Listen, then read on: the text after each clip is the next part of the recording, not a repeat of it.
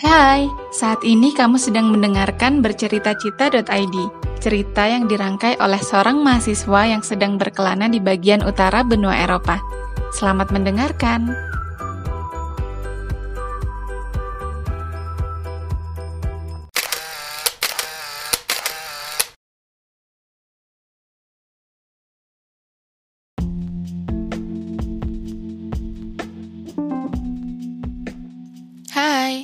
Aku ngerekam podcast ini pagi-pagi saat Lun udah mulai gloomy. Dan yang pengen aku share kali ini berhubungan dengan mindset. Sebetulnya ini lebih ke curhatanku sih tentang apa yang aku rasain selama minggu-minggu awal kuliah di Swedia. Sebelum kuliahku dimulai tuh rasanya aku excited banget. Kayak nggak sabar gitu kuliah bareng teman-teman dari berbagai negara. Pasti bakal seru deh. But at the same time, aku juga ngerasa sangat nervous. Takut nggak bisa ngikutin dengan baik, takut terkendala sama bahasa Inggrisku yang nggak lancar-lancar banget, dan berbagai hal-hal lainnya yang bikin aku minder duluan.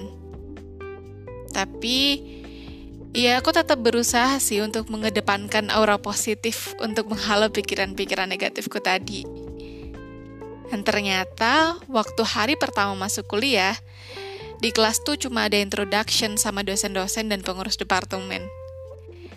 Jadi mereka tuh ngejelasin gimana sih sistem perkuliahan di sini, penilaiannya kayak gimana, dan berbagai info lainnya yang perlu aku ketahui selama aku kuliah di sini.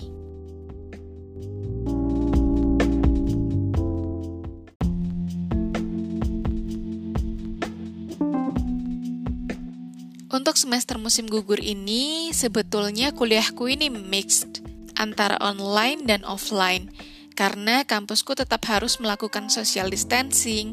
Jadi di departemenku lecturesnya diadakan secara online di platform Canvas, sedangkan seminarnya dilakukan secara tatap muka. Jadi untuk materi yang dijelaskan oleh dosen sebetulnya bisa dilihat kapan pun karena sudah diupload di Canvas. Nah, tantangan terbesar bagiku itu justru seminarnya kalau di sini, seminar itu dibikin seperti debat. It's kind of American style. Mungkin karena dosenku juga lulusan dari Columbia, makanya dibikin kayak gitu. Di seminar ini akan dibagi dua kelompok untuk mendebat satu sama lain. Beberapa hari sebelumnya, kita akan dikasih bahan-bahan bacaan tentang teori-teori sosiologi tentunya, dan nantinya akan ditentukan tim mana yang akan mempresentasikan pemikiran siapa, dan tim satunya harus mengkritisi pemikiran tersebut. Begitulah sebaliknya. Dalam seminar ini, keaktifan sangat mempengaruhi penilaian dari dosen. Meskipun nggak ada nilai tertentu sih, kita cuma akan dapat keterangan pass or failed. Barulah nanti pas mid-exam dan final exam, kita akan dikasih nilai dari A sampai F. Oh iya, kami juga ada mentoring session. Jadi semacam bimbingan dengan senior gitu tentang materi dan persiapan seminar. Mentorku ini juga biasanya akan membantu mencari dan membagikan bahan bacaan yang kalau di total jumlah halamannya bisa 2000 lebih untuk satu semester.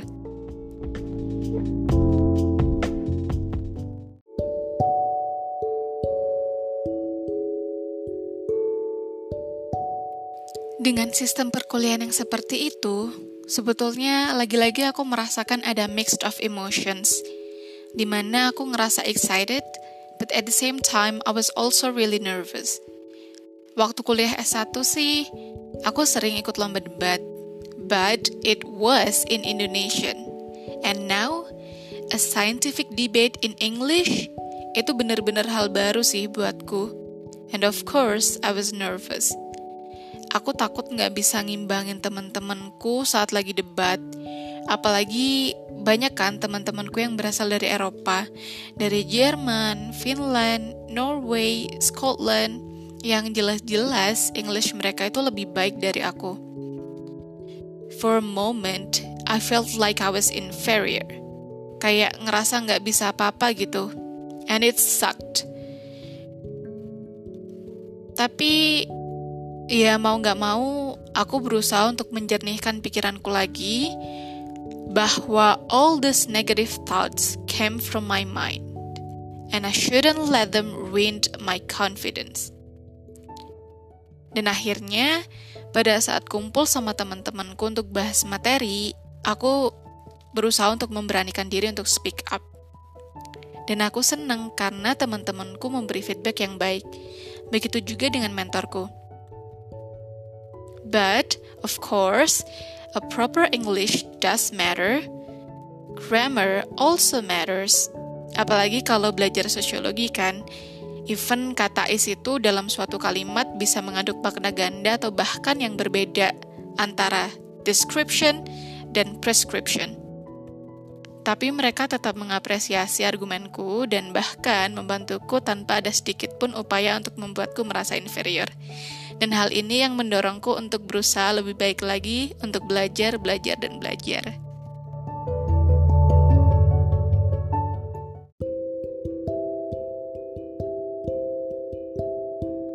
After that, I started to realize that everything always depends on our mindset.